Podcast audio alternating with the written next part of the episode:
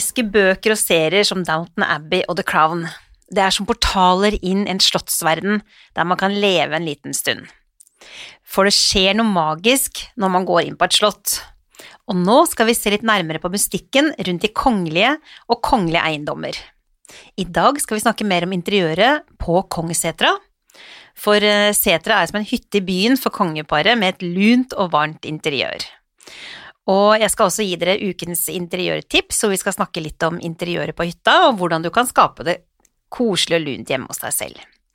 Jeg sitter her sammen med min kjære podkastmakker Tove Thalesen, som er kongehusekspert, du er reiseekspert, du har jobbet ti år på Det kongelige slott, Tove. Ja, stemmer det, Marianne? Ja, og dette her gleder jeg meg skikkelig til. Og så har vi også i dag fått besøk av eh, Anders Johan Stavseng fra Se og Hør. Hjertelig velkommen til oss, Anders. Det er så koselig når du kommer og joiner oss på Det disse er så episodene. hyggelig å komme hit. så bra. Men du, vi hopper rett i det, vi, rett og slett. Eh, fortell oss litt sånn eh, nærmere om Kongsetra. Kongssetra.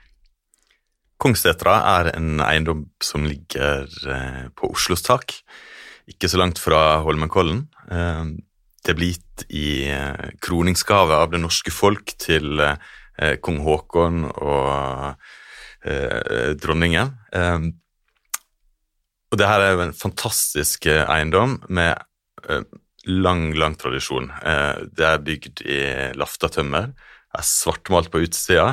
Eh, og inni så har de, eh, de dyktigste kunstnerne i eh, Norge vært med på å sette sitt preg på, på hytta. Så sier at det skal være som et eventyr å gå inni der og gå mellom de eh, forskjellige rommene. Og så har jo også eh, de som har bodd der, og dronning Sonja, også vært med å sette sitt preg på eh, på hvordan det brukes nå, med å sette, sette inn egne, egne lamper i taket med mosaikkfliser og slike ting. Så eh, det er en fantastisk eh, eiendom som blir brukt eh, relativt ofte av kongefamilien. Og den er altså i privat eie. Ja, og det har jo vært mange begivenheter som har, som har skjedd på Kongsseteren. Anders, kan ikke du dra oss litt gjennom de ulike tingene som har hatt stor betydning for kongeparet og kronprinsparet? Ja, det som kanskje det norske folket kjenner best til, og som, husk, eh, som man husker best, er eh, da eh, kong Olav døde i eh, 1991, mm. en januardag.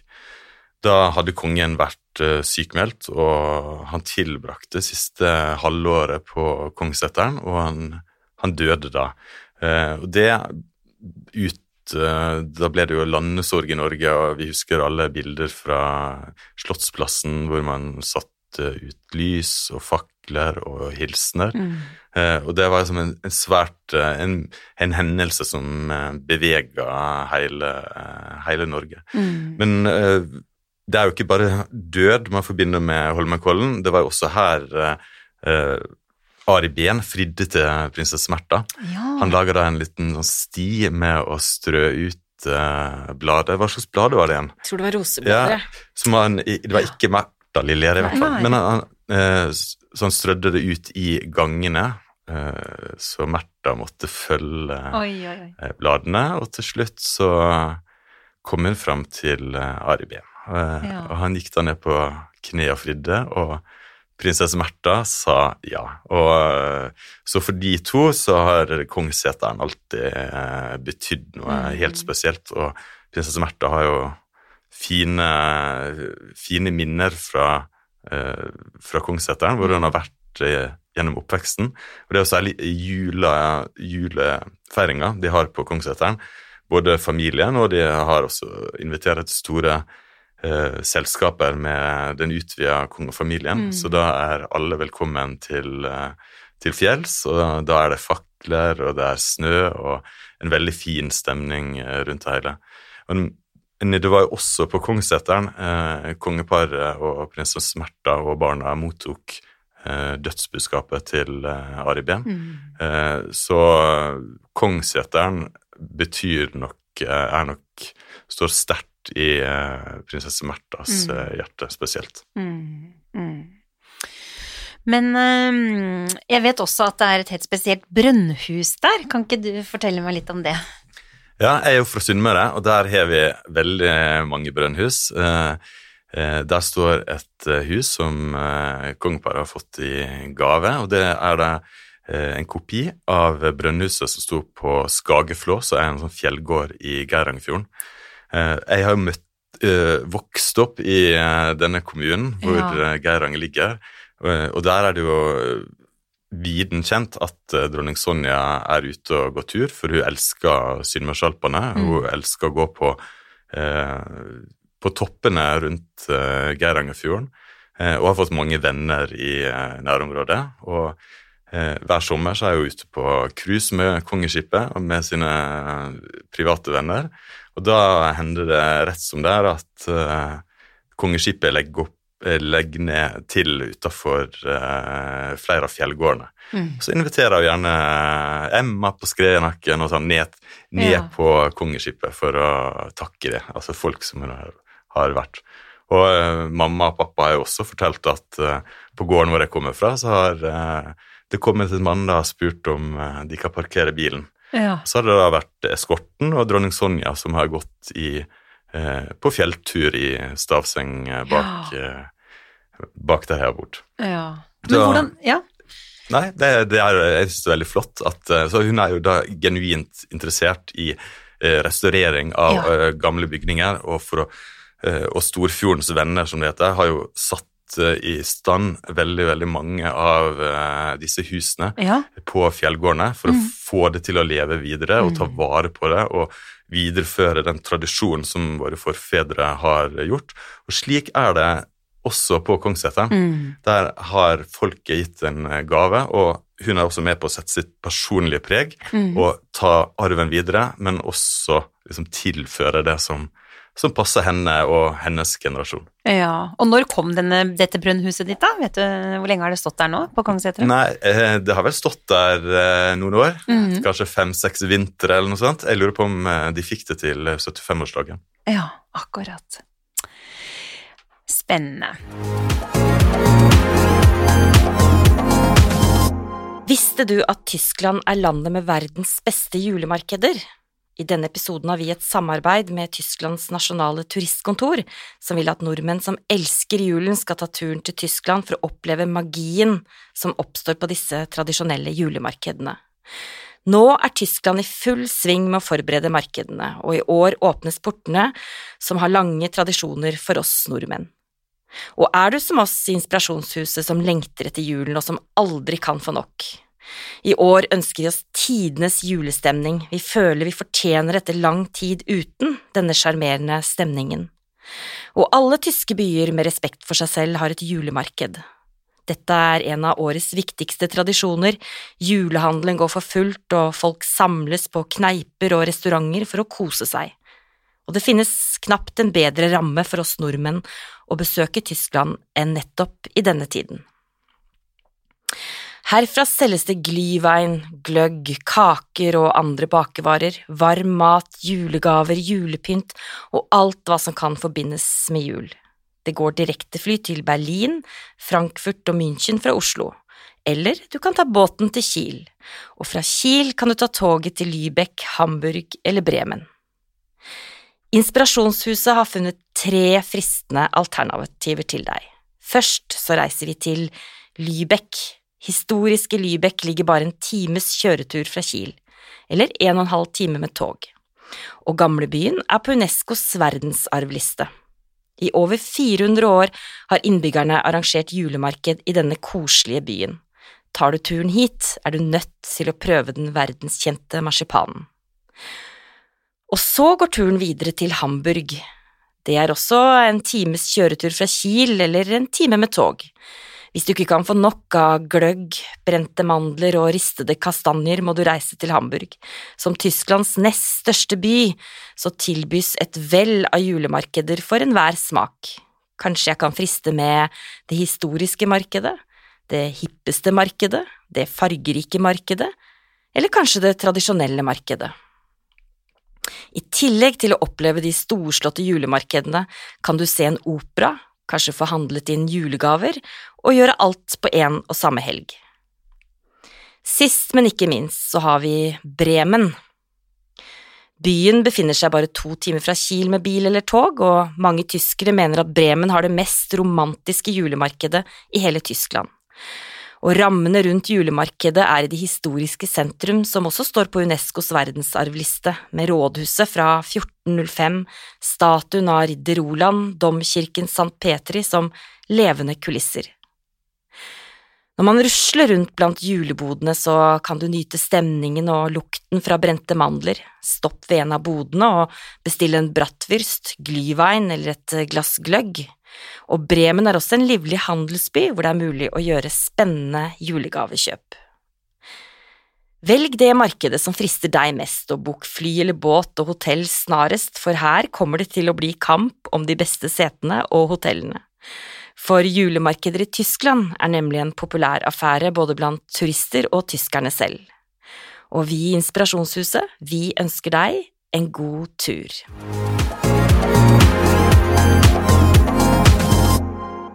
Men eh, Tove, du som da eh, har jobbet på Det kongelige slott og disse stedene i, eh, i ti år, hva kjennetegner disse kongelige hyttene, da?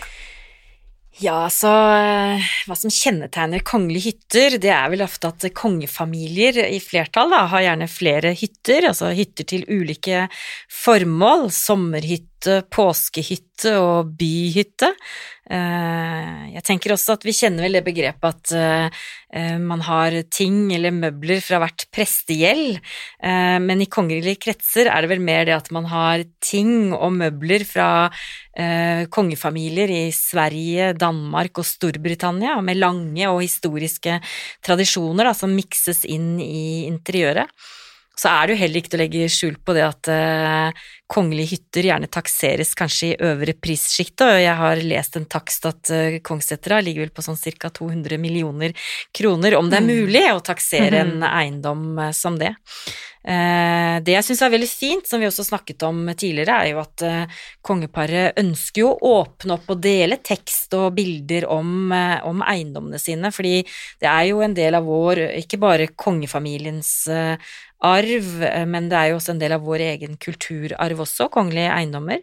Så, eh, og jeg tenker jo at eh, Akkurat som jeg tenkte med, med, Slottet, i episoden om Slottet, så tenker jeg jo tenk om dronningen hadde hatt en Instagram-konto med mm. fokus på interiøret på hytta. Oh. Du hadde nominert henne da kanskje i kategorien Årets hytte i Gullfjern, Marianne? Helt klart, helt klart, Tove. Og hun hadde helt sikkert kommet for å motta prisen. ja, det tror jeg også. Men Kongssetra er jo mer enn bare en hytte, det er jo faktisk 500 kvadratmeter stort, og det er 26 rom, og det er jo all slags type rom, altså korridorer og kontorer og soverom, kjøkken og, og selvfølgelig arbeidsrom for alle som er tilknyttet eh, kongeparet. Og som Anders også snakket om, altså sammenlignet med andre hytter, så er vel Kongssetra imponerende fordi eh, altså beliggenheten er jo helt enestående med en helt fantastisk utsikt utover Oslofjorden, akkurat som Anders sa, altså på Oslos eh, tak. Og det er jo et eventyrhus, det ligger inne i skogen, eh, jeg får sånn Disney-vibber når jeg er der, og eh, jeg tenker også det er lett å tenke på Per Gynt da, når man ser bilder av, av interiøret på Kongssetra. Og vi har jo sett mye av egentlig interiøret på Kongssetra det siste um, året. Altså, det var jo her konge, kongen holdt uh, den TV-overførte talen til folket da, mm. i, i, mars 2020. Uh, for da satt jo de to i karantene, stemmer ikke det, Anders? Det gjorde de. De flytta opp på Kongsseteren og har tilbrakt uh, lang tid, mye tid under covid mm. der oppe. Og de har også brukt Kongsseteren aktivt etter at Eh, kong Harald har vært syk og operert, så han trekte seg tilbake for å hvile og samle, samle krefter. og det er klart, når man er, eh, skal passe seg for eh, covid-viruset, covid så har også det vært lurt å være på et sted hvor man er forholdsvis isolert, mm. med en mindre stab enn det som man har på Slottet. Ja. Så det er helt naturlig. Men de har jo, vi har jo i Se og Hør ofte hatt bilder fra, eh, fra innsiden av eh, dette fantastiske huset, og alle husker jo kanskje uh, lille Marius, som nå er blitt store Marius. Som uh, Det var første gang han feira jul med kongefamilien. og han herja på isbjørnhodet på gulvet sammen med dronning Sonja, som Ja. satt på kne i en uh, rød kjole. Ja. Eh, og det var for øvrig en gave fra Nansen, denne isbjørnen, som er tatt med fra det høye nord. Men eh, så vi har fått sett hvordan, eh, hvordan eh, dette Kongsseterne er i bruk fortsatt. Påske, hvor de sendte påskehilsen. De satt eh, i veggen på eh, Kongsseteren og og drakk løgg og eh, foran en eh, ildpanne, eller bålpanne. Og det er også her de eh, baker pepperkaker med barna, med prinsesse Märthas barn, med Ingrid Alexandra og Sverre Magnus. Så det, det er på en måte et hus for hele familien, og som ofte er i bruk, og som ligger en, i nær tilknytning til eh, eh, til Oslo. Nå tar det jo 20 minutter å kjøre opp Ja. i Kollen, Ja. men eh, det er en kort avstand fra en hytte, og det fører da til at den blir brukt eh, mye. Mm. Og det er jo den lune, varme atmosfæren som møter gjestene i dette huset, og det er ganske spesielt. De mørkbeisede tømmerveggene er jo dekorert med vevde tepper og messingskjold, og det er stearinlys og duften av tjære som gjør det der til å fullbyrde den eventyrstemningen som vi har snakket om. Og inngangspartiet har jo søyler og kongemonogram i gull. Hallen og korridorene, der er veggene svøpt i vevde tepper over tunge kister. Eh, og så er det jo dronningens eh, salong, eh, som har store vinduer med utsikt over Oslo. Der er det gyllenbrunt og halvblanke tømmervegger med innskårne spiraler. Og så er det peisestua. Eh, Her er det lysere og lettere, og her er tømmeret lasert i okermatt. Og fra vinduet så ser man rett ut i skogen med et fantastisk turterreng over hele Nordmarka som bare ligger foran føttene på den eh, spreke dronningen vår. Og under vindusposten så ligger jo gjesteboken på et bord, og i det ene hjørnet ruver klebersteinspeisen. Og i de andre hjørnene så er det jo sittegrupper med puter av dun, og midt i rommet er det ingenting. For der står kongeparet og tar imot gjester på et dyp, blått teppe som dekker hele gulvet. Så, hvis jeg tar dere med da til spisestuen, så eh, er det i en mye kjøligere tone. Eh, tømmeret er malt eh, lyseblått, peisen er grå, og porselenet er kobolt, eh, og tallerkenene i serviset løper rundt i buer og rader på veggene og hyller.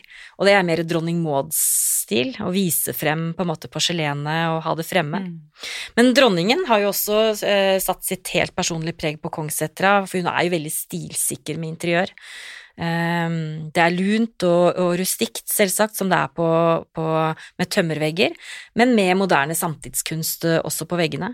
Og så eh, nevnte jo Anders denne utsmykningen som, eh, som dronningen har bidratt med, altså der det opprinnelig var lyskasser med gult glass i taket, altså for å gi mer praktisk lys til mørke tømmervegger, så er nå glasset skiftet ut og erstattet med fargesprakende glassmalerier da, eh, i abstrakte former som dronningen selv har, har malt. Og det vil jo være med for ettertiden. Og jeg tenkte jeg hadde bare også lyst til å si det med møbler på Kongssetra. For det er jo ingen av møblene som er like, det er liksom ikke én stil. Her fins det alle stiler. Peisene er gotiske, stolene er engelsk Chippendale eller mørk barokk med gyllær eller lys rokokko med broderier. Her er det art nouveau-vaser, norske tinnfat, rosemalte skap, veggtepper av Gerhard Munthe eller Fride Hansen, eh, og malerier fra kjente samtidskunstnere sammen med tunge malerier fra de gamle gullalderkunstnerne. Og det er jo et, eh, et enormt eh, rom med lange, eller et enormt hus med lange tradisjoner, og jeg er jo litt nysgjerrig, Anders, på dine tanker om bruken av Kongssetra i fremtiden. Hva tenker du eh, om de neste generasjonene? Jeg tror nok Kongsseteren kommer til å forbli kongefamiliens eie. Mm. Det er tross alt en gave fra det norske folk, så det er ikke bare å legge den ut på Finn heller. Men jeg tror eh, neste generasjon, som da er eh, kronprins Haakon og kronprinsesse Mette-Marit, eh, sikkert kommer til å sette sitt eget eh, preg på det. De har jo en, en eh, veldig moderne hytte i uh, Uvdal, Mm. som, hvor Mette-Marit har fått sine interiørvyer på plass. Og jeg vet ikke hva som er det siste nytt på interiørfronten. Ja, så hyggelig at du spurte om det. Jeg kjenner jo at det, det som er spennende med, med hytter nå, er jo at eh, fra gammelt av så hadde vi jo kanskje litt enklere hytter. Vi var vant til å ha utetoalett og i hvert fall ikke innlagt vann. Og så har jo hyttene bare blitt mer og mer moderne med, med årene, og i forhold til covid nå, så ser vi jo virkelig at hyttemarkedet har jo bare tatt helt fullstendig av, for vi skjønner jo at det å eie en hytte, det, det kan bety mye for familien. Også det at vi kan reise og ha kontoret vårt kanskje til og med oppe på, på en hytte. Men eh, og så er det jo utfordringen ofte Det er jo også en gang sånn at mange yngre generasjoner skal overta en hytte fra, fra foreldrene sine, som jo har sterke tradisjoner på den hytta, ikke sant. For de har kanskje arvet den igjen fra sine foreldre, og ikke vært så opptatt av modernisering som kanskje det vår generasjon er, da. Så det fins utrolig mange forskjellige typer hytter der ute, og På Slottet så har de jo, som eh, Tove har nevnt tidligere, da har de et rom for eh, hver tidsperiode. De har det Bernadotte-salongen osv. ja. Tror du det er mulig at eh, kronprinsessen kommer til å innrede sitt eget eh, rom på Kongsseteren? Ja, Og hvordan vil det se ut? Ja, hvordan det vil se ut ja, det vet jeg, Nå vet ikke jeg hvordan Jeg vet at hun liker veldig den moderne stilen, da, så Og det som er veldig spennende nå, det er jo at eh, de typiske hyttene som kanskje er laftetømmer og Det også blir jo nå Vi ser mer og mer også funkishytter. Mm. Eh, Jeg besøkte nylig en hytte på Norefjell, som er noe av det råeste jeg har sett, med faktisk eh, Hvor man da går tilbake til eh, vegger med, med furu på veggene, og hvor men allikevel så er det designmøbler, og det er stramt, og det er lagt veldig stor vekt på uteområdene, for det ser vi også, ikke sant, at en hytte skal jo ha et sted med å sitte og kose seg ved et bål og eller en fin peis ute.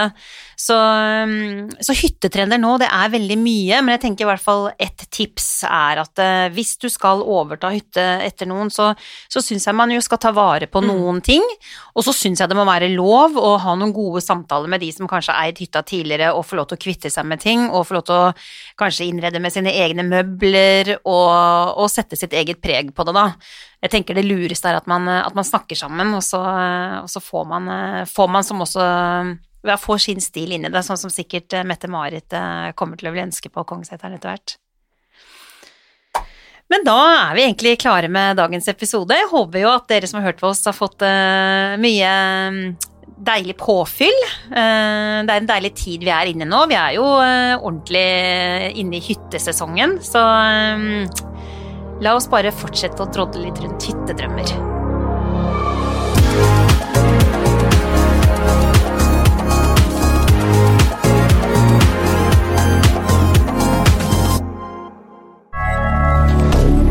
Moderne media.